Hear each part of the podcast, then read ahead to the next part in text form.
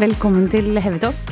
Dette er en podkast om eh, livets opp- og nedturer når du en dag plutselig er midt i livet. Ok, her er vi igjen, Siri. Hei, Ami. Hei, hei. Vi er kommet til 14. Vi er det. Vi er på 14. Ukene går. Ukene går. Det er vår. Det er jo ikke vår i dag, da. I dag er det jo tilbake til god gammeldags vinter. Nei, nei, nei. nei, nei. Ikke her nede i byen, faktisk. Det er litt bedre. Det er det. Vi har fått noen uh, påskeliljer på bordet her, og jeg er litt sånn i godt uh, driv mot uh, våren, jeg også nå. Det skulle ikke tro du som er sånn skijente. Neida.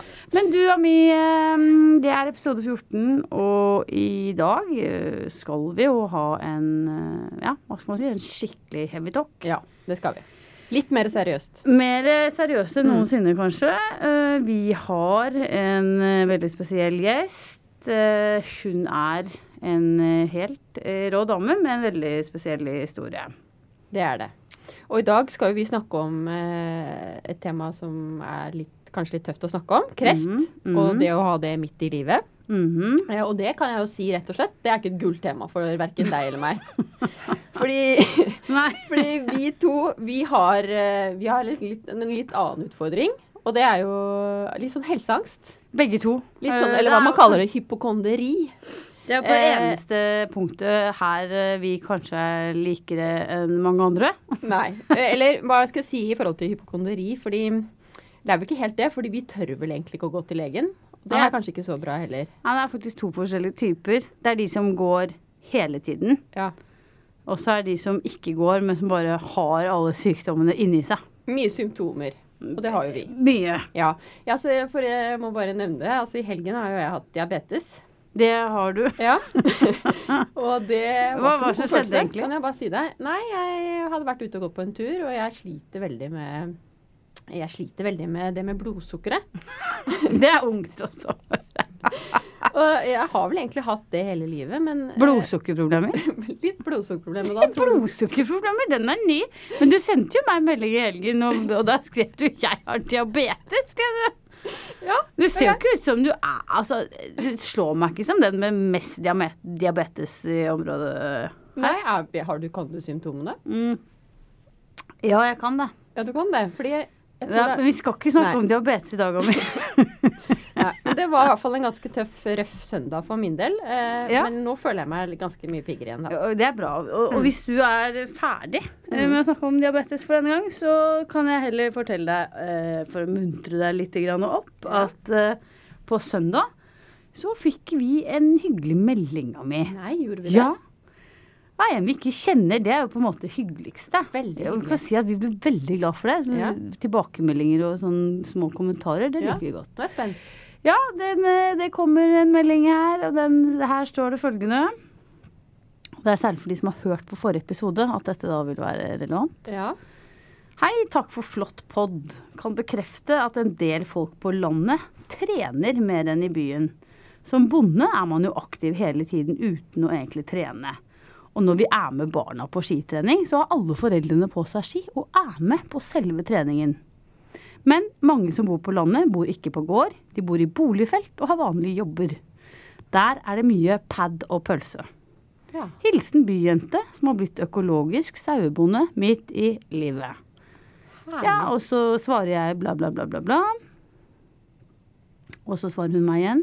Oi.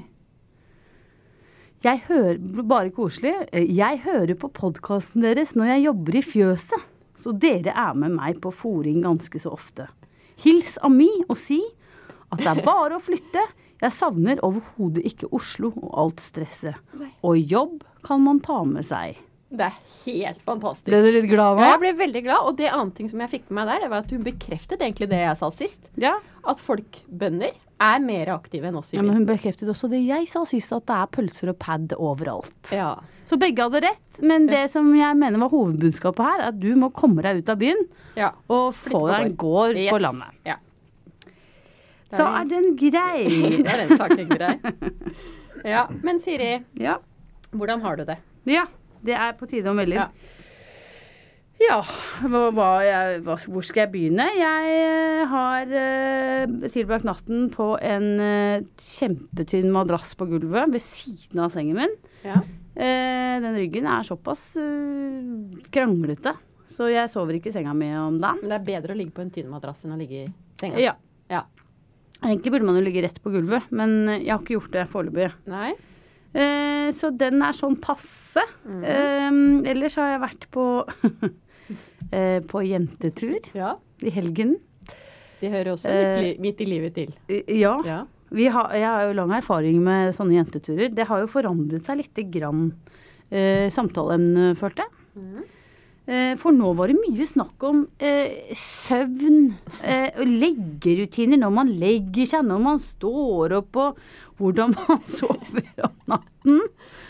Eh, og vi snakket om overgangsalderen. Vi gjort en hel, en hel frokost å snakke om overgangsalderen og gå gjennom symptomer på overgangsalder. ja. Har folk kommet i Ja, det var helt tydelig at noen nærmet seg det. Det var en ordentlig nedtur for flere. Eh, Vi snakket om PMS Ja. eh, i det hele tatt. Så det var en gjeng med godt voksne damer eh, på tur. Så dro ikke på fest, altså? Jo da, Jo da. de gjorde det. Mm. Jeg har blåmerker som jeg ikke vet hvor kom fra. okay. Jeg har vært på festa Ja, mi. ok. Bra. Så det er ikke helt eh, Det er ikke bare sorgen. Nei. Så det er vel egentlig det jeg har å melde fra sist. Ja. Ehm, fikk ikke den jobben jeg søkte på. Nei. Men, men det vet jo egentlig jeg. Ja, Litt om. du gjør vel, jeg har vel fått Ja. denne himmels... Nei, men altså, du sa jo til meg at den var sånn passe interessert. Jeg tror liksom Nei, litt på det at ikke, du ja, jeg var interessert, altså, men jeg har jo blitt sånn som deg nå. Nå tror jeg på at uh, alt skjer av en grunn. Og derfor så var ikke meningen at jeg Mm. Skulle få den jobben. Kanskje jeg hadde rett. Så da, det er det med meg. Nå, nå føler jeg du skal fortelle litt hvordan du har det. Ja. Eh, ja. Jeg er jo slet jo med denne, jeg har jo slitt med den ryggen jeg også da. Jeg var hos manuellterapeuten forrige uke. Ja. Eh, og eh, han hadde jo sagt meg at jeg skulle ta det med med ro, men vi har nå gått i gang med et sånt niukers utfordringsprogram, da. Ny utfordring. Ja. Hva, For jeg, jeg klagde veldig over at jeg må ha mer egentid. Jeg får jo ikke tid til noen ting alene.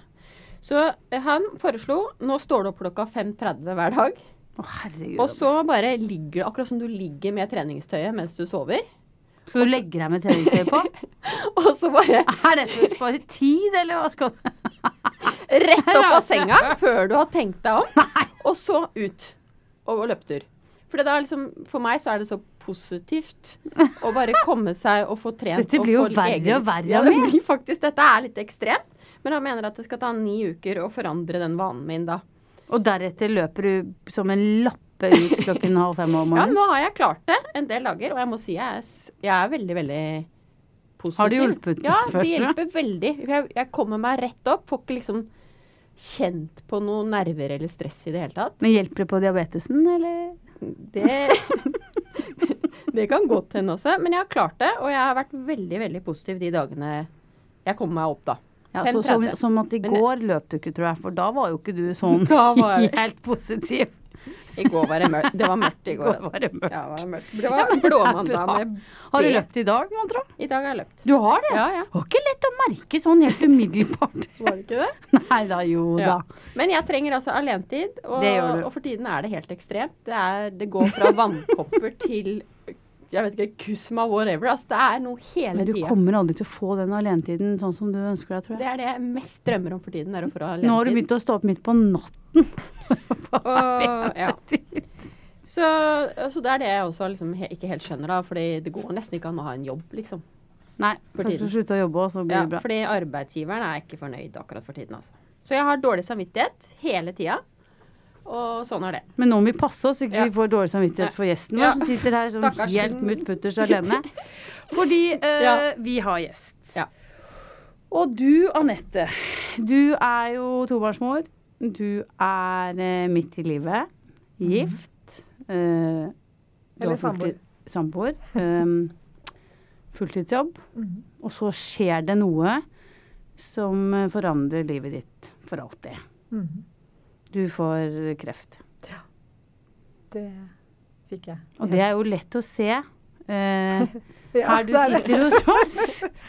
Eh, for nå har du sånn bitte, bitte lite lag med dunhår.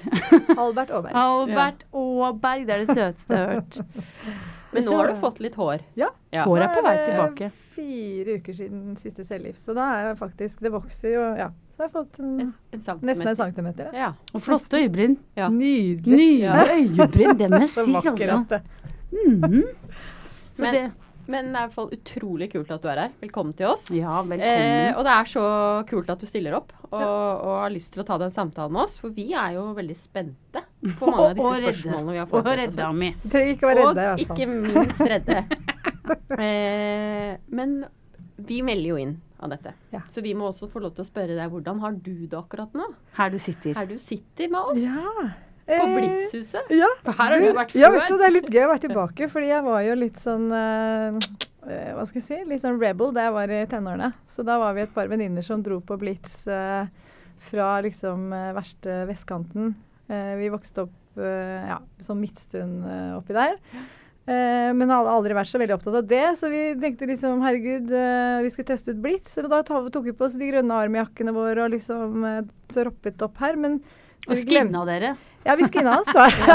Nei da, men vi, vi hadde det jeg glemte, som gjorde at vi skilte oss litt ut her, var at vi hadde perledobber. Så Ja. det Ja, og de tok ikke, byttet ikke ut med peacemaker. Nei, det, var Det- litt sånn, det tenkte vi ikke på. Det var det ingen andre som hadde. Nei da, så vi, vi Ja. tror vi så litt annerledes ut. Ja, det var det ingen andre. som hadde. Ingen andre Nei. som hadde perledobber Nei. på den tiden, i hvert fall. Nei, ikke, så, ikke her. Nei. Ja.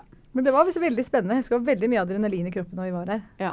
Men er det det nå også, her du sitter? Eh, Er dette din første podkast? Ja, det er min aller første podkast. Ja. Så jeg er litt spent. Ja. Men eh, så det er veldig hyggelig å få komme. Jeg, jo, jeg har hørt eh, mye på podden deres. Synes det er veldig jeg liker den veldig godt. Jeg Ja, måtte le da Siri ankom litt sånn forsinket. Eh, vi skulle møtes fem på tre, og hun kommer litt sent, og Ami kommer litt for tidlig. Det var akkurat sånn som dere Nemlig. snakket om Ja, nettopp Ja, hører du. Siri. Ja, ja, ja. Nei Og Anette var enda før meg igjen, så hun er kanskje enda er- verre enn meg. Nei, jeg er ikke det, for jeg er egentlig jeg er tidsoptimist. Så jeg kjenner meg veldig igjen i den eh, beskrivelsen av deg.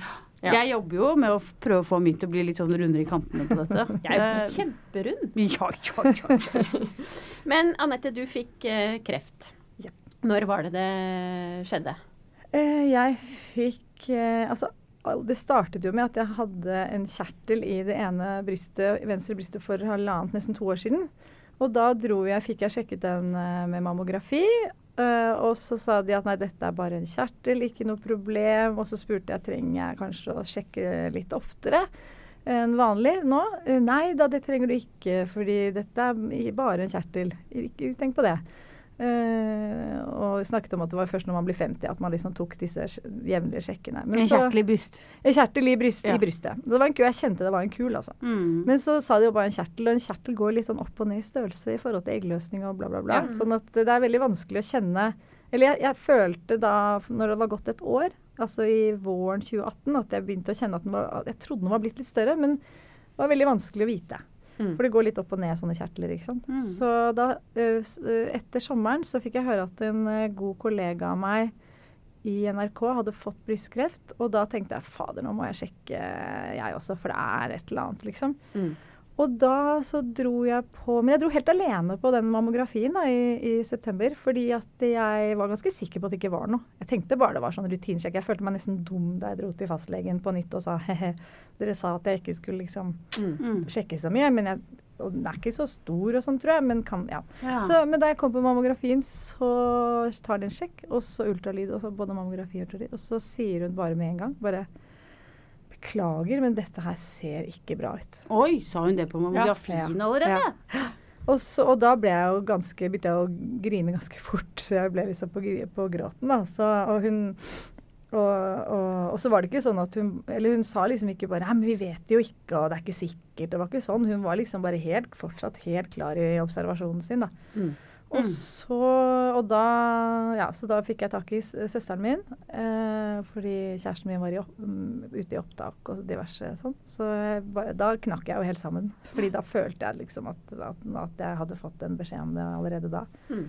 Men så uh, måtte jeg sjekke opp den andre, det andre brystet også, for der hadde de sett noen sånn kalkformasjoner og sånn. Så Men gjør de ikke det samtidig, på en måte? jo, men uh, den var så vanskelig å lok- lokalisere på ultralyd, så jeg måtte ta en sånn uh, røntgenbiopsi. og da måtte Ja. jeg ha en egen time for det tirsdagen etter, Mm. eh, hvor røntgenapparatet selv tok en prøve for å finne ut av det. Og da, når de hadde tatt også på den timen, så kom hun tilbake og sa hun dette ser veldig suspekt ut. Så da fikk jeg litt sånn På det andre ja. også.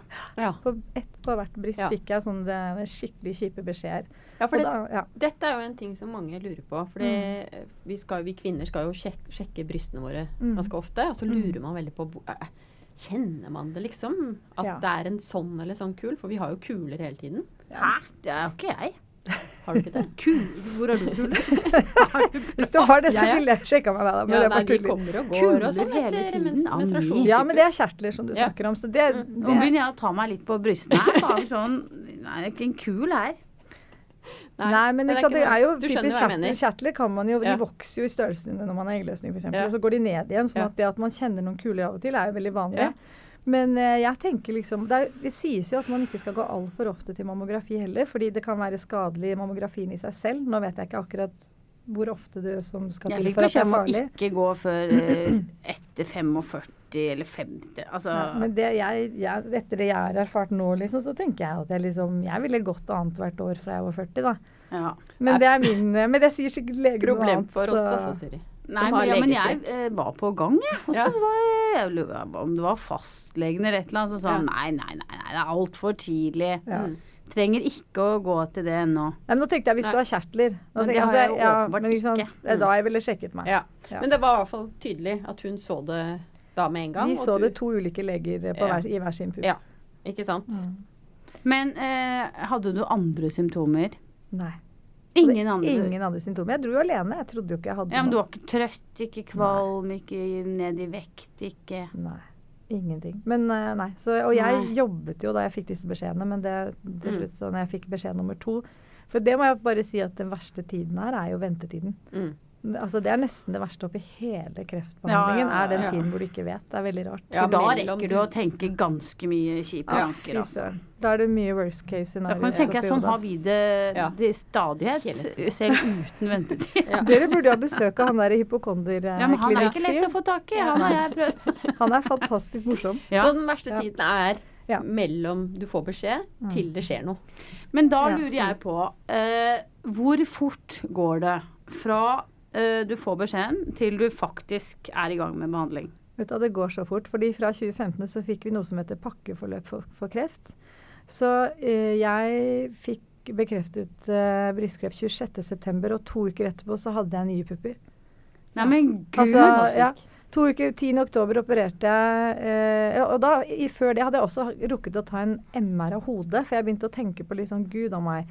Jeg drev og så så rart på det ene øyet før sommeren, og så begynte jeg, Man begynner Ja. å innbille seg mange ting. Ja. Men ja, så 10. oktober, to uker etter at jeg fikk uh, konstatert, Der- så opererte jeg begge brystene og fikk nye bryster samtidig. Ja. Da fungerer norsk helsevesen. Ja, fy søren. Akkurat det er helt vilt. Og så Mm. tar det jo Og apropos ventetid, så tar det jo da eh, fire, ca. fire uker etter operasjon. Da får du vite hva potologene eller hva de fant inni der. Mm. Fordi de Fire fant uker jo noe etter annet. operasjon. Ja, for de fant jo noe Men det annet enn det syns de jeg er trodde. lenge.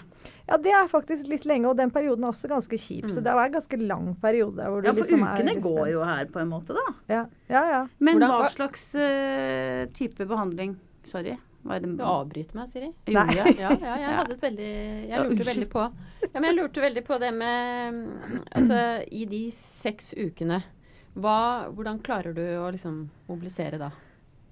Eh, nei, den uh, Bare for å ha tatt selve den dagen hvor jeg fikk vite at jeg skulle Eller hvor vi fikk vite at vi skulle få vite om jeg hadde kreft eller ikke. Mm. Da tror jeg vi rydda huset som vi aldri har gjort før. Altså Vi var bare sånn i manisk ryddemodus. Fordi Mm. det var liksom Vi bare klarte ikke å stå stille, for vi var så nervøse. Ja. Eh, men eh, nei, ellers Jeg hadde faktisk Jeg har en veldig god venninne som heter Ulla, som eh, driver med healing. Så faktisk for meg i den perioden, seksukersperioden, så hjalp hun meg med For jeg fikk ganske mye angst. Jeg var veldig mye redd og Mm. sånn forknytt, liksom. Og gru, eller var veldig spent. Det var egentlig særlig før operasjonen. Så det var egentlig de to ukene som var verst, altså. Men da hjalp hun meg med healing, og da, det er egentlig bare at hun uh, roer meg ned. Ja. Så det er, for meg er ikke det noe hokus pokus, jeg er veldig vant til men andre tenker kanskje det er veldig alternativt. Men det var i hvert fall en måte å roe ned angsten på. Det gjør ikke jeg, da. Nei. Nei. Ikke det er Men det er et annet tema. Men, Ja. men i hvert fall så fort jeg hadde operert, så faktisk så fikk jeg mindre angst, for da følte jeg da var kreften ute av kroppen. Ja.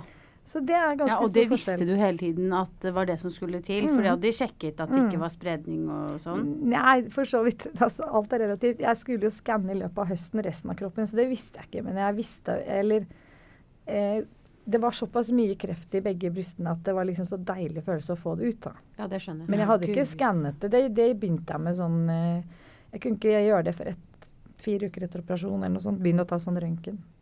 Hvor lang rekonvalesens er det etter å ha tatt bort begge brystene og liksom fått nye.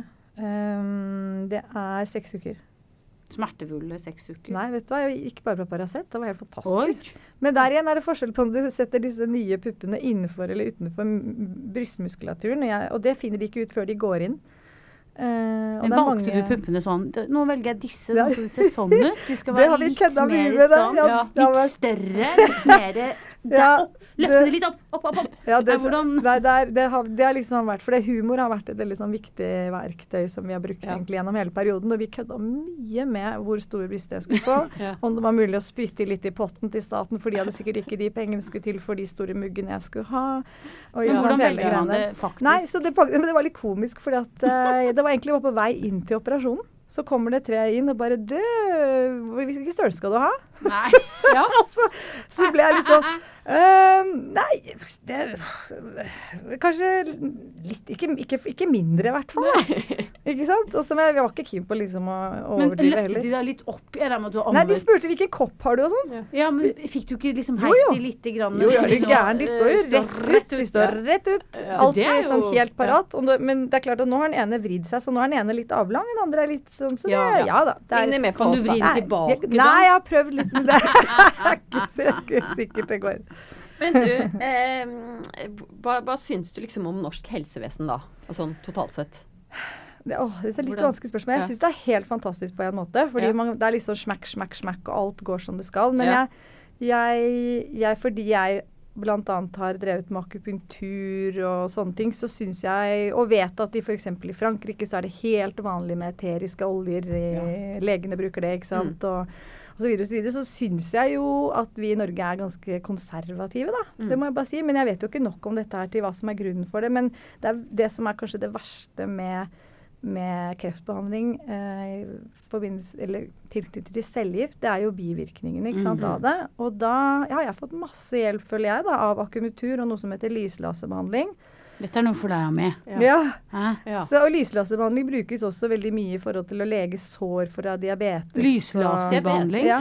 Lyslaserbehandling. Hva er det? Det er noe som heter LLLT, og det, det brukes mye i utlandet og sånn. Og det er Karolinska i Stockholm, eller Sverige, ville forske på det, men så fant de ikke midlertidig. Og det har vært snakk om å gjøre det på radium òg, men jeg føler liksom at en del av de behandlingene som eh, kunne hjulpet på bivirkninger, som er alternativet, det er fortsatt altfor alternativt Ja. for legestanden i Norge. Da. Det er det inntrykket jeg har fått. Ja. Og det syns jeg er veldig synd, for jeg har fått masse hjelp fra DAS. Ja. Eh, virkelig, liksom. Ja, for Men hva er det man gjør? Belyselåsebehandling? Ja.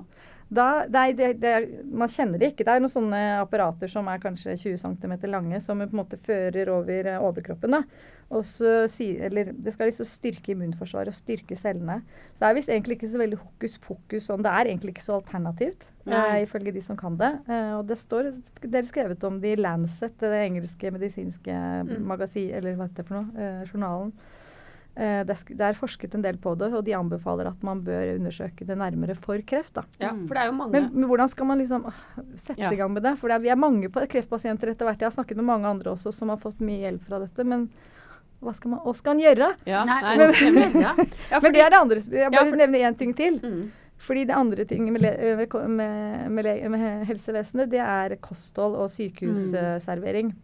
For jeg har Ja. eh, var, eh, det akkurat nå så holder jeg på ganske mye med det, faktisk. For Ja, jeg blir så deppa hver gang jeg går inn på Radiumhospitalet. Så blir jeg møtt med er pølseplakater og pizza og brus og Det boller. er så. Og det er så tragisk. Og jeg vet Mm. det er mange ansatte der og mange andre pasienter som føler det på samme måten. Og blir ordentlig lei meg for det. altså. For jeg bare, eh, ja, Og så er det da kommet en kjemperapport fra noe som heter World Cancer Research Fund nå i 2018. Som sier at sant, du skal ha minst to tredjedeler plantebasert kost osv. osv. Ikke prosessert kjøtt og alt det der. feil, sånn. Mm. Så selger de pølser i kiosken. pølser i kiosken.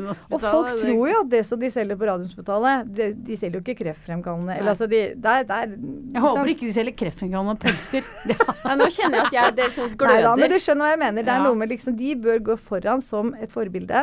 Servere gode supper og smoothier Ja. og salater og sånn. Og så jeg har vært i kontakt nå med de som bygger om radium, og nå er det litt håp. For nå skal de eh, ha disse Ja. anbudsavtalene, eller anbudene, ut på, på en ny runde. Mm. Så nå kanskje, hvis vi kan lobbe på riktig måte, Ja. så Så jeg driver og snakker med Kreftforeningen også, eller jeg har skrevet på, på Facebook-siden. altså. Uh. Eh, og jeg, dette skal jeg ikke gi meg på. Fordi at, Nei, det eh, er kjempebra. Jeg har et spørsmål til om norsk helsevesen, Ja. faktisk. Uh, fordi jeg lurer på, har du hatt samme lege, altså samme kontakt med de samme menneskene som har fulgt deg i ditt pakkeforløp, eller er det bare nye leger og nytt og nytt hele tiden?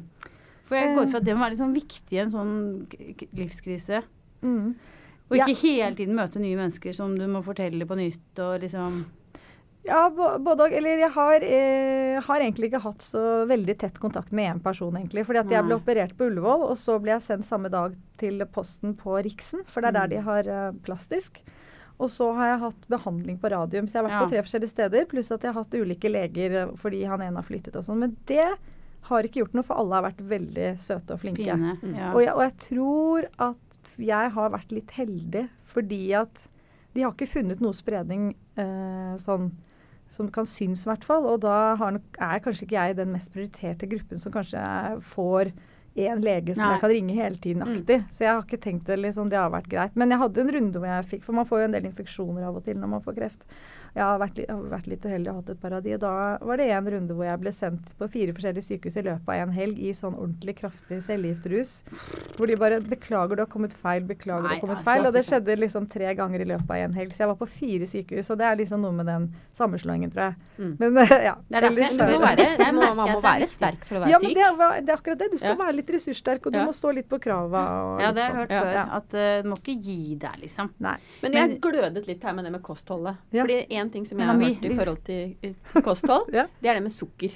Ja, ja. For det er jo det verste. Men nå det går Ami langt inn i noen sånne greier. Vi må Ja. videre. Ja, altså, men jeg, dette må jeg få spørre om. Det med sukker, er, er det også noe du har eh, Ja, altså det er jo? Ja, ja, ja jeg, jeg kutta jo det. Og, og alt sånt, men alt, alle de planene jeg hadde, ble jo lagt på skrin, holdt jeg på å si, da jeg ble lagt inn på sykehus for det første. For det andre så er det liksom faktisk vanskelig å, å mm, Forskningen er ikke så tydelig på akkurat det. Nei. Men mange hevder det, og Ja. mange praktiserer i henhold til det. At Ja. du ikke skal spise sukker. Og det er klart, du skal begrense antall sukker. Det, nei, mengde sukker. Det sier jo alle. Mm. Så jeg kommer til å fortsette med det. Ja, Selvfølgelig. ja. Riktig. Siri, du må videre. Ja, jeg, jeg må videre, altså. Det er jo såpass mye å lure på her. Ehm, jeg lurer på Nå har du jo liksom fortalt uh, litt grann om eh, at du begynte å gråte og ringte søsteren din. Men hvilke tanker er det som går gjennom hodet ditt eh, når du får den beskjeden? Altså, den jeg fikk eh, Fikk du den på en måte flere ganger nærmest? Jeg fikk den litt flere ganger, men ehm, ja, den, da, de, da de ringte og, og sa at jeg hadde kreft i begge brystene på den torsdag 26.9., jeg tror det var en torsdag, da, da gråt jeg så høyt som jeg aldri har grått før. Så da kom liksom naboen fra andre etasje kom ned og lurte på om jeg var sammen med noen, liksom. Traumatisk. Altså, du husker Ja. datoen og Ja, gud, ja, det var bare så fælt. Ja, fordi jeg vet ikke, det er bare Kreft man har Kreft er liksom et sånn negativt ladet ord. Det samme Mm. er cellegift. Uh, og det bare er så skummelt. Så det, og, og så er det særlig når du har små barn. ikke sant? Så nei, det, det var ikke noe gøy. Ja, for det er mitt neste spørsmål. Hvordan er det med de nærmeste pårørende, ekte eller samboer i ditt tilfelle, da? Mm. Hva skjer da? Uh, nei, han, har jo vært, han var jo like redd som meg i begynnelsen, uh, selvfølgelig. Uh, og tenkte worst case på alt, han også. Om han skulle flytte tilbake til Sverige, og kan vi beholde huset, og hva skjer? Og liksom alt. Og det har gått opp og ned. Men vi er heldigvis ganske flinke begge to til å liksom ta oss inn igjen, da. Mm. Uh, og jeg har hatt noen uh, Jeg har en god venninne som For jeg, jeg ble faktisk veldig inspirert av det med kosthold, da. Så det holdt meg oppe. Så jeg ble nesten litt manisk. Jeg lagde Mm. sånn femukersplaner og handlelister, og jeg undersøkte, jeg var i kontakt med ernæringsfysiologer, og jeg liksom holdt på veldig med det. Og det, det inspirerte meg veldig. Og da sa hun til meg ok, nå må du holde på den inspirasjonsmodusen, og ikke falle inn i offermodusen, ikke sant? Eller Mm. moduset. Så um, Hold deg sterk og Hold deg sterk og liksom finn noe som du kan bidra med selv. Det tror jeg er ganske viktig, da. Men Mm. ja, tilbake til uh, de pårørende. Um, jeg tror uh, Jimmy og jeg har vært veldig opptatt begge to av å ta en fase av gangen. Nå er det operasjon, Ja. nå er det cellegift, nå er det stråling. Fordi du får høre allerede i september at det kan være at strålingen gjør at brystet kapsler seg inn, sånn at jeg må operere på nytt. på en måte. Du får liksom For mange sånne mange sånne Mm. beskjeder. Du må liksom si jeg, Og jeg har, vi har ikke googlet ting. Nei. ja, det er Vi har liksom bare OK, stråling, det kommer en gang i februar. Da får vi bare ta det da. Vi fikk masse brosjyrer, vi gjorde liksom bare én ting av gangen. Det tror jeg også var litt lurt, da. Men blir du ikke litt sånn desperat? Altså, min svigerfar fikk kreft og døde dessverre av det. Mm. Um, og det var en, diagnose, altså en krefttype som jeg ikke har spesielt gode odds, da. Mm. Uh, Bukspyttkjertelkreft. Mm. Helt andre forhold enn Ja. brystkreft, da. Ja. Men der var det en sånn desperat uh, tid av å finne løsninger utover Mm. uh, cellegiften og ikke sant? Mm. Hvor, kan man reise til Tyskland? Hvordan, Mm. altså, den der desperate følelsen Mm. av at liksom Hvordan skal jeg bare Mm. Man, man blir ganske desperat oppe i toppen. Ja, og jeg husker jo jeg hadde en venn som uh, fikk kreft da vi var veldig unge. Mm. Um, Ja, det husker jeg. og da var det sånn at han til slutt uh, gikk på til healing Mm. altså til, og til spåkone nærmest. Altså Mm. bare for å Mm. Man får den der desperate Men det er vel det å skaffe seg håp, sånn som Mm. du, du fant noe som du, Mm. du følte at du kunne henge håpet ditt på, da, Mm. eller? Ja, ja, det er Ja. det. Jeg tror det er veldig viktig at man Eller jeg tror alle, alle mange pasienter i hvert fall blir opptatt av om de kan gjøre noe selv. Ja. Og hvis man finner ut at det er noe man kan gjøre, så tror jeg det gir et veldig Eller gir et håp, da. Mm. For jeg hadde jo googlet meg grønn og blå og hvit, Mm. liksom. Og det tror jeg ja, ikke men det er har, smart. Nei, og det har jeg gjort litt på kosthold, har jeg gjort Ja. det, men ikke på sånn kreft, brystkreft Ikke på utfall og- Nei, ikke på Nei. utfall og Mm. brystkreft, og ikke på cellegift og stråling og sånn heller. Men jeg har vært, gjort, brukt mye tid på kostholdsundersøking, eller altså undersøkelser. Mm. Eh, Men det er vanskelig det også å finne ut av hva som egentlig liksom Har du vært innom Stemmer. permentering òg, kanskje? Ja, ja, altså Kvass? absolutt. Har du kvassa? Jeg, jeg har lyst til å gå på fermenteringskurs. Det har liksom Ja. vært Har du kvassa og Jeg ble jo gamma, på en lurer måte jeg satt ut på. av spill. Ja, det det. Jeg ble jo satt ut av spill allerede to uker etter at jeg fikk vite, så jeg har liksom ikke rukket alt jeg har Nei. hatt lyst til. Men fermentering er jo veldig bra for oss. Det kan jo vi eh, snakke mer om. Også gong. Gong har jeg gjort. Ja, Ja, ja. Du, rett Du, før jeg gong er ikke til å tulle med, altså. Jeg elsker gong. Jeg elsker gong, jeg òg. Men ja, for det skal sies at kundalini-yoga, som jeg oppdaget bare to uker før jeg Ja. fikk diagnosen, har liksom vært redningen for meg. Det er ikke tilfeldig, det, vet du. Nei, Nei, fy søren, det er ikke, Ikke tilfeldig. tilfeldig. Men eh, bare litt tilbake til pårørende. Mm. Mm, foreldre, mm. søsken, Mhm. barna dine, hvis du vil snakke om det. Ja, Eh, absolutt. Hvordan liksom Nei, altså, jeg, tror Hvordan blir du i forhold til de? Altså sånn Den mm. der greia der. Blir du den sterke og de veldig Nei, ja, knust, det, eller? Um, jeg tror uh, Jeg, jeg syns egentlig Jimmy har vært veldig sterk oppi dette. Uh, vi, altså, jeg, jeg husker Det som var viktig, som vi innførte ganske tidlig, det var at vi måtte ha mobilforbud på soverommet. Fordi at det blir veldig viktig på et eller annet tidspunkt at man får den nærheten, og at ikke den står i veien. For jeg Mm. husker at jeg, bare tre dager etter at jeg har fått beskjeden, så liksom våkner jeg, og så har jeg masse tanker i hodet, og ganske fortvilt og, og kaos. Og så ser jeg, så liksom, våkner vi ganske samtidig, men da er han på mobilen. Så er liksom på Yr og avisen og sånne Ja. ting. Og da ble jeg sånn så deppa. Jeg bare Du kan ikke starte dagen din. Du må starte dagen med å si 'hvordan går det'? Mm. Og jeg skal si det samme til deg, fordi det er like ille for deg. Men vi er nødt til å starte den der 'hei, hvordan har du det i dag?' Nå, I hvert fall nå i starten. Så det, det var litt sånn erfaring for oss at vi bare Den må ut av soverommet. For vi må starte og avslutte hver dag med at vi liksom er sammen. Det var fint. Det Altså, var det var veldig flott. fint. Ja, Det tror jeg bare var et tips til alle, Alle- generelt. alle- Ja, det gjelder nok mange. Trenger ikke få kreft for det. For Nei. det. Men også er det også det, jeg tror også vi fikk mye trøst i at ikke det var spredning. Eller etter hvert som vi fikk vite Ja. da, så har det vært en veldig Men, men sånn som med venninner og venner Ja. også. For det er jo jo litt annen ting. mm. Eh, man opplever vel sikkert at det, noen, noen er på, og noen trekker seg unna, kanskje? Ja, jeg har bare vært utrolig heldig, for jeg har, eh, har et stort nettverk. Og det har vært helt sånn det har vært fantastisk eh, hvordan alle har eh, trådt til. Både naboer og kollegaer og venner. Mm. Helt fantastisk. Og det har liksom vært alt fra mm, denne healingen som jeg snakket om, til at det er mange som har kommet med middager. Det har også vært Ja. så deilig. Ja. For at man orker ikke å tenke middag, ikke sant.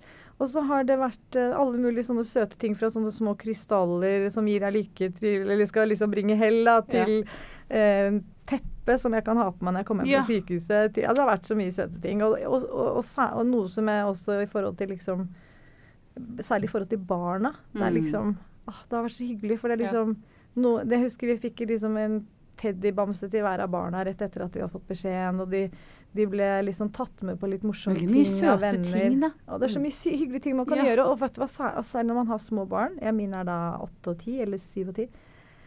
Det og at liksom noen tenker litt ekstra på de, Ja. åh, det betyr så mye. For det, nesten, det var nesten det tøffeste. Og det var litt Når jeg skulle hit i dag, så fikk jeg en sånn fin anledning til å ha en prat med familien i går. Ja. Og det var så hyggelig, for da fikk vi på en måte en sånn oppsummering nå som jeg egentlig har kommet litt ut av dvalen, og vi alle begynner å kunne leve litt mer normalt igjen. For jeg er ikke ferdig med behandling, men stråling er liksom ikke så hardt.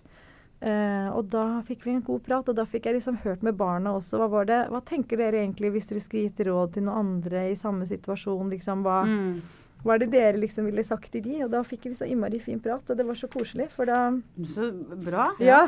Så, men jeg var veldig takknemlig for det, at jeg fikk muligheten til det. Og da snakket de, da fortalte seg jo Vi har jo hatt fantastisk hjelp fra skolen. Vi har en Ja. sånn helsesøster på Huseby skole som har jobbet med kreft i 16 år, før hun begynte nå i høst. Nemlig. Så hun var bare helt ekspert. Ja. Ja. det var skikkelig gave. Så vi har snakket mye med henne, og lærerne har vært fantastiske. Eh, og fordi, så det de sa, var at de ble jo veldig redde. Barna. Mm. Mm. Og selvfølgelig har de spurt meg kan du dø. Mm. Og da kan, det er så fælt, for jeg kan ikke svare nei.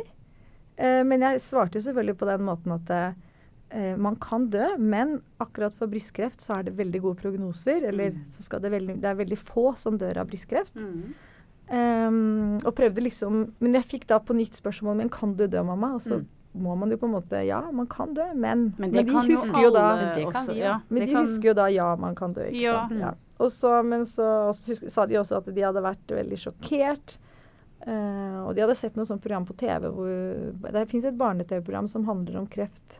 Så det heter 'Kule kids gråter ikke' eller noe sånt. Ja, Der dør ja, det, jo hun men er har ikke det en, en kinofilm, tro? Jo, det kan være. Den ligger på Super. Ja, ja, den, den liksom, er den er veldig trist, altså. og den hadde de veldig sånn i bakhodet, Ja. så det var litt kjipt. Men, men. Men så uh, fins det også en sånn Netflix-serie som de sa, som heter Alexa og Katie. Det må jeg innrømme at jeg ikke har rukket å se. Mm. Men nå fikk du høre om den, da, så det var jo bra. Ja, ikke sant?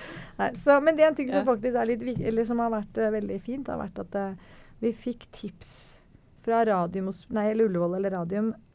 Vi ringte dem da vi hadde fått beskjeden, for da var ikke barna kommet hjem fra skolen ennå. Så var det bare hva sier vi til barna, liksom. Mm. Og da var de veldig tydelige på at man skal være ærlig. Ja. Mm. Ja. Så fordi de oppdager så fort hvis du liksom Hvis er skjuler noe. Ja, og da, ja, og da Mm. hvis du først har begynt å skjule noe, så tør de ikke å stole helt på deg. Og da er det mange barn, Mm. har det vist seg, som bare De tør ikke å gå til venner, for de må være hjemme for å få med seg sitt Ja. nytt, på en måte. Ja. Så det har vært et veldig bra råd at liksom man, skal, man skal være ærlig med Ja. dem, for de skjønner mye mer enn man Mm. tror. da. Mm. Men du, et spørsmål her. Mm. Um, er du er det, Foretrekker du Sikkert ikke, da. uh, men er det bedre å være sammen med andre som også har hatt kreft? Eller ikke bedre, men nå i lys av det som har skjedd med deg. Um, er du sammen med andre venner med kreft, på en måte? ja, er det? Absolutt. Jo Er det bedre? Mm, nei, det er ikke bedre, men det klart Eller jo, akkurat nå i denne perioden så er det veldig godt. Mm. Vi er en del sammen, og jeg er en del sammen med et par venninner som jeg har fått eh, nå i forbi, eller som jeg har kjent litt før, men som jeg er blitt bedre kjent med nå. Og som betyr helt enormt mye. For Ja. det, er bare de som vet hvordan det er å gå inn i Nemlig. cellegift Mm. og, og komme ut av det og miste håret Ja. og, og, det å ha barn som blir lei seg. Ja, det er så absolutt det er veldig, veldig godt å ha venner i samme Mm. situasjon. Mm. Mm. Men du, har du noen gang tenkt 'hvorfor meg'? Ja øh, Jeg har jo i hvert fall tenkt eh, med tanke på øh, eh, de, de vet jo litt om på en måte hva som kan nå, nå er, du vet jeg, jeg har jo noe som heter Det er noe som heter chemo chemobrain. Ja. Og det er det samme som ammetåke. Det har jeg nå, også. av og til så må jeg, form må jeg vende, bli sånn, klarer jeg ikke helt å formulere Ja. meg. Men det skal visst gå over, sier de, så Ja. det er bra. Ja, det er bra. Men uh, jo um, så da Hvorfor med- deg? Altså når Ja. du tenker liksom jeg har, jeg, for jeg har jo levd ganske sunt og eh, absolutt, og er veldig glad i å, å trene og, og sånn. Ja, men jeg har hatt ganske stressende jobb bare. mm. Jobbet med TV-produksjon og jobbet med en del store eventer hvor det har vært veldig veldig mye jobb til tider. Så jeg liksom, det har, det har kommet en sånn rapport på stress og brystkreft som, eh, fra Lund nede i Sverige. En sånn forskningsrapport derfra. Men det er ikke liksom det er ikke eh, opplest og vedtatt at stress fører til kreft, men eh, Er det uflaks? Ja, men det er, det, er nesten sånn at Mm. man må si til seg selv at det er uflaks, for ellers så kan man bli helt ko-ko, Ja.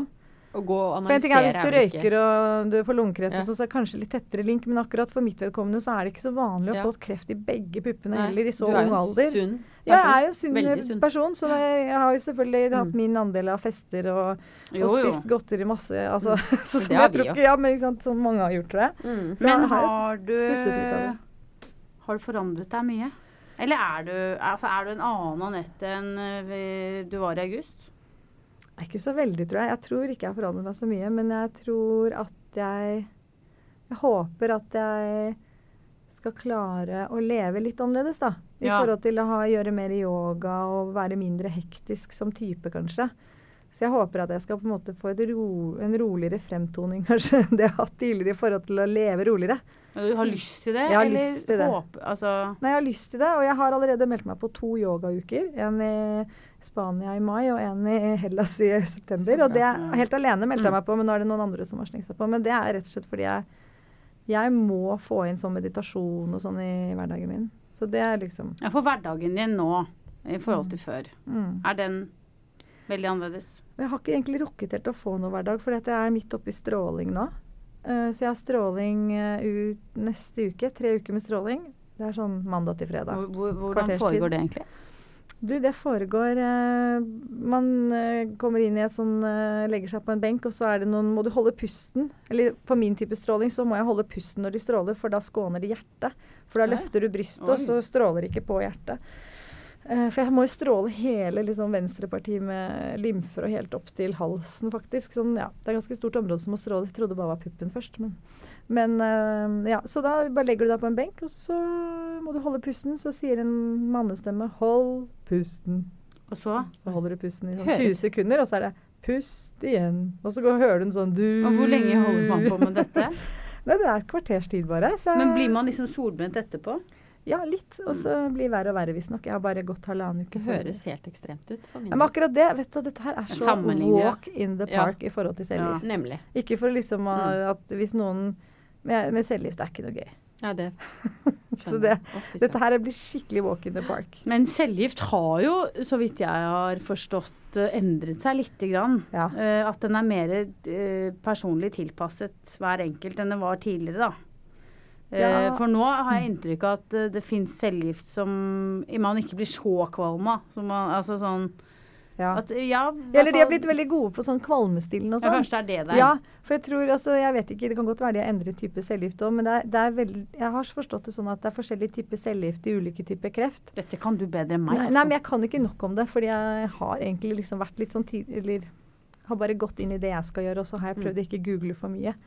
Men jeg har den, den som, vi, som jeg har tatt nå, som, er, eh, som man tar hver tredje uke, den heter EK90 eller noe sånt. Og den, den er en ganske hard eh, Veldig mange får ganske mye sånn kvalme og Ja, ja, for det Sånn er det jeg husker fra gammelt av, at man blir så kvalm at man Ja. bare Mm. liksom Men de har blitt mye bedre på det. De har masse kvalmestillende preparater som man kan ta. mm. Eh, og jeg gikk jo en del til sånne behandlinger, som sagt. Så, men det var bare ekkelt, fordi hodet bare Det var som Den bare oh. shut down. Jeg, jeg liksom subbet meg bortover gaten. Klarte Mm. så vidt å komme meg bort, klarte så vidt å prate. Og så Mimi kødda mye med det at det som var litt sånn digg, var jo at jeg var så mye stille i den perioden. Det var ikke, mye, det var ikke noe styr. Det var ikke ja, noe sånn blir du- kjerringstyr. Blir du sånn lei deg og deprimert og altså Av det, hele dette ja, her. ja. Nei, jeg er ganske sånn eh, Jeg har vært Jeg er liksom positiv i utgangspunktet, tror jeg. Så jeg har, og, og det tror jeg har hjulpet meg mye i forhold til sånn eh, jeg, eh, Glasset er halvfullt og ikke halvtomt og sånn. Jeg bare Mm. tror det har mye å si, og jeg tror at innstilling har veldig mye å si Absolutt. eh, på sykdom generelt. Og ikke tenke så Eh, langt frem. Ja, ta ett Mm. skritt av gangen. Mm. Og så prøve å så bare konse på familien og Men du, Ja. vi må videre her. Um, du la jo ut uh, på sosiale medier Mhm. Ganske tidlig mm. at jeg er blitt syk. Mm. Og var veldig åpen. Mm. Mer åpen enn mange andre ville vært antagelig. Ja. Eh, hva, hvorfor var det det? Nei, jeg er litt sånn åpen bok som person. Så jeg øh, har ganske Altså jeg har tulla med at jeg liksom har litt sånn Tourettes. At jeg klarer ikke å holde noe hemmelig av det jeg liksom føler og tenker. Ja. Uh, så jeg for, Derfor så var det veldig naturlig for meg å gjøre det. Ja, Var det en sånn slags Eh. strategi bakom at uh... Det var bare sånn trang til liksom Dette her må jeg liksom dele med noen. Jeg kan Ja. ikke, det er ikke naturlig for meg. Fordi jeg visste jo at jeg kom til å Jeg har et stort nettverk både på jobb og på, i privaten. Og hvis jeg skulle liksom slippe sånne små bomber hver gang jeg møtte folk, så Ja. var det jo litt sånn Det er litt det også. Du, Ja. jeg, tror, jeg har hørt fra flere også at de syns det er deilig at jeg har gjort det, fordi da kan de møte meg, så kan de gi meg en god klem, og så er det Absolutt. greit, liksom. Istedenfor at jeg møter dem i butikken, og så sier de 'hvordan går det'? Nei, det går greit, men jeg har fått brystkreft, da. Så kan jo Mm. ganske mange få ganske sånn sjokk. Mm. Istedenfor ble det mye gode klemmer og Ja. Du fikk en del støtte. Fikk så mye støtte. Ja. Det var så utrolig hyggelig. Det betydde Så så, mye, særlig når jeg våknet opp på sykehuset. Da var jeg jo nyoperert, og så la jeg et sånt bilde med noe, hvor jeg hadde sånn håndkle rundt hodet og så veldig, veldig rar ut. Men det var så deilig, for da følte jeg den der sykdomsperioden gikk veldig mye fortere. Ja. Og det var, jeg koste meg så fælt med alle de Ja, heiaropene. Folk var så Ja. heia, heia, Ja. liksom. For det er jo mye støtte hos folk. Åh, det er så mye støtte. Det er så fantastisk.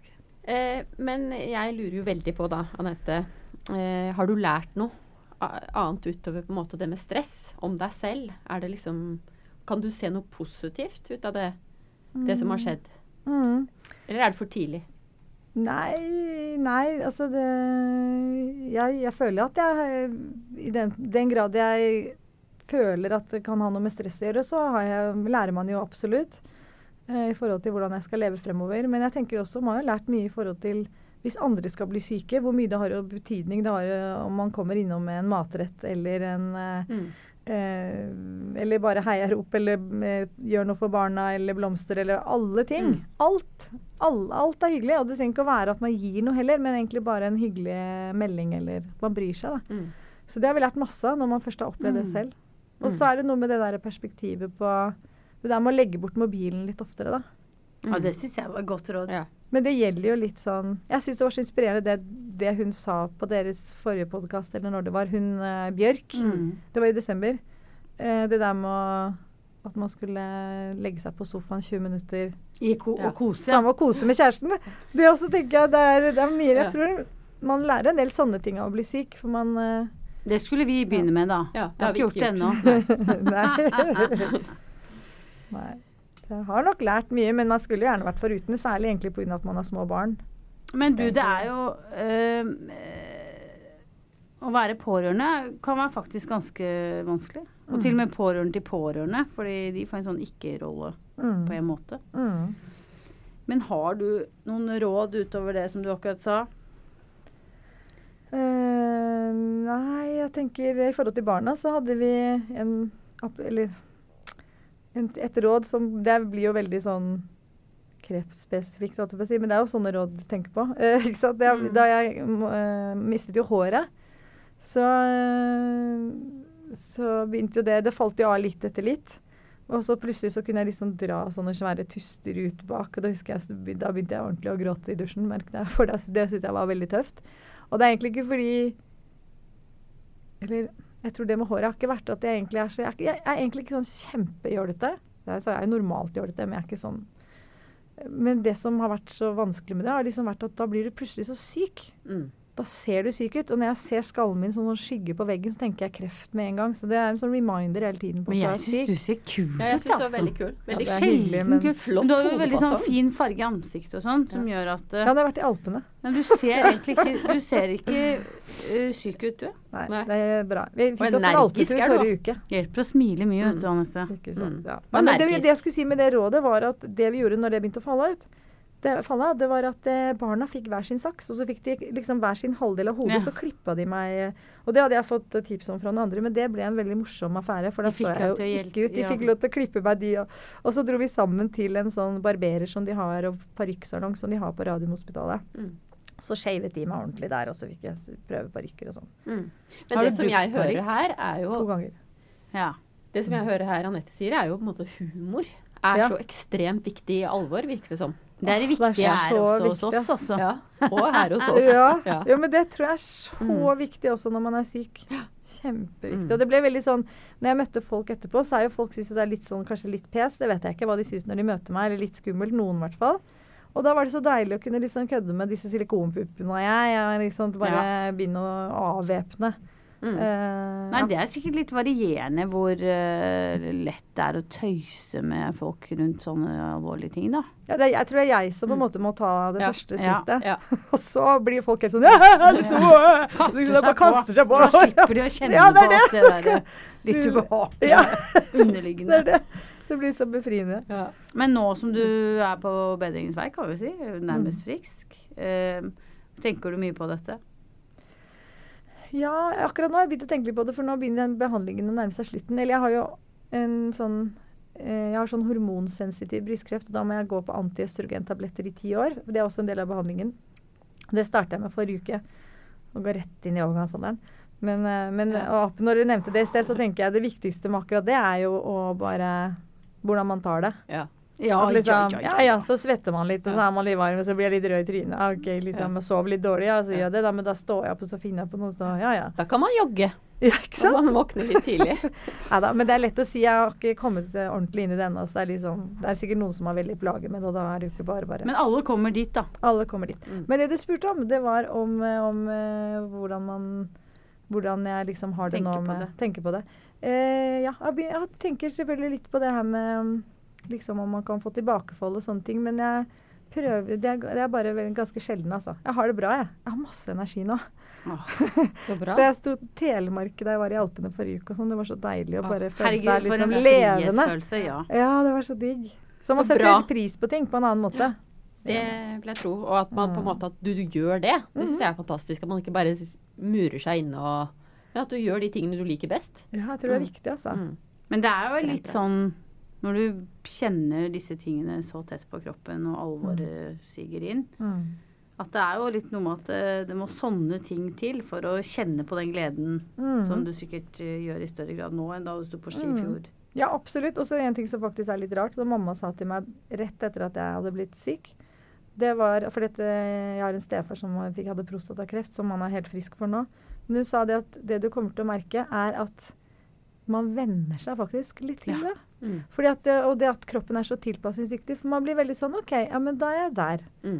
Nå har jeg kreft, jeg er i den situasjonen. Så man, jeg tror nesten på et tidspunkt så følte Jim og jeg at vi hadde det bedre enn de Mm. rundt. Mm.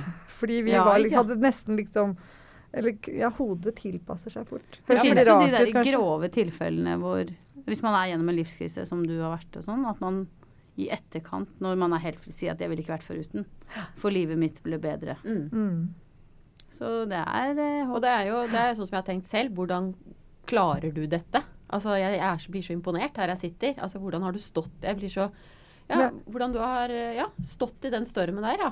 Jeg blir så imponert, jeg. Ja, men jeg har ikke Ja. egentlig gjort det. Jeg, jeg, ja, jeg føler liksom at jeg har egentlig bare Men det er jo egentlig har ikke gjort så mye, tenker jeg. Og så blir man vel litt sånn skjerpet Altså, eh, vi som er hypokondere, er vi på denne siden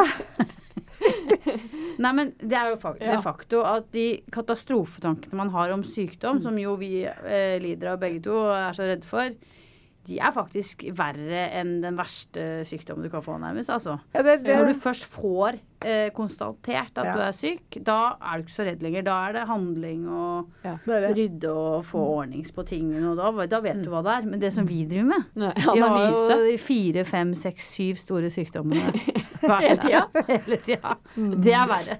Ja. Men det er klart, det har veldig mye å si at man har gode venner og familie og, sånn, og kollegaer som støtter. fordi at eh, det, det gjør jo at man, at man har det bra. Ikke For ellers så det er jo klart at man har jo perioder som er skikkelig vonde også. Mm. Ja, det forstår jeg.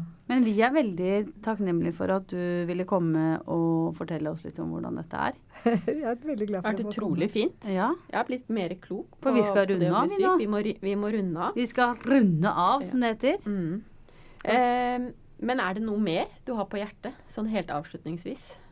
Eller føler du at Ikke det. Jeg, kan du- ikke, jeg, hadde jo, som sagt, jeg har jo litt sånn chemo-brain, som sagt, så jeg håper jeg det Ja, men jeg liksom syns det har ting vært utrolig bra, jeg. Det jeg har fått vite. Er du like redd nå, Ami, som uh, Jeg er faktisk litt mindre redd, jeg nå. Så bra! Ja. Ja, det syns jeg kanskje jeg også kan men så kjenne litt grann på. Ja, og man kommer seg gjennom alt. Det er noe med det. Ja. Liksom, man, det er derfor man tar én ting av Ja. gangen. Men det går, man kommer seg forbi, og man går gjennom, og så Mm. er det liksom neste skritt, og så Nå tenkte jeg, tenkte jeg så mye jeg gleder meg til vår nå, f.eks. Ja. Å, fy søren. Bare høre fuglene kvitre, og det er lyst. Jeg blir helt sånn åh, du bare helt- laste ned en podkast Ja. som du tilfeldigvis har begynt å høre på. Og det er så god stemning. Men med det så syns jeg vi skal avslutte Ja, vi skal runde fantastiske podkasten. Vi er tilbake neste uke med nye Krumspring. Det er vi. Og så må dere ha en fin uke. Og Like takk skal du ha, Anette, for at du kom. Takk for at Veldig takknemlig. Det var veldig hyggelig. Ha det. Ha det fint. Ha det. Ha det.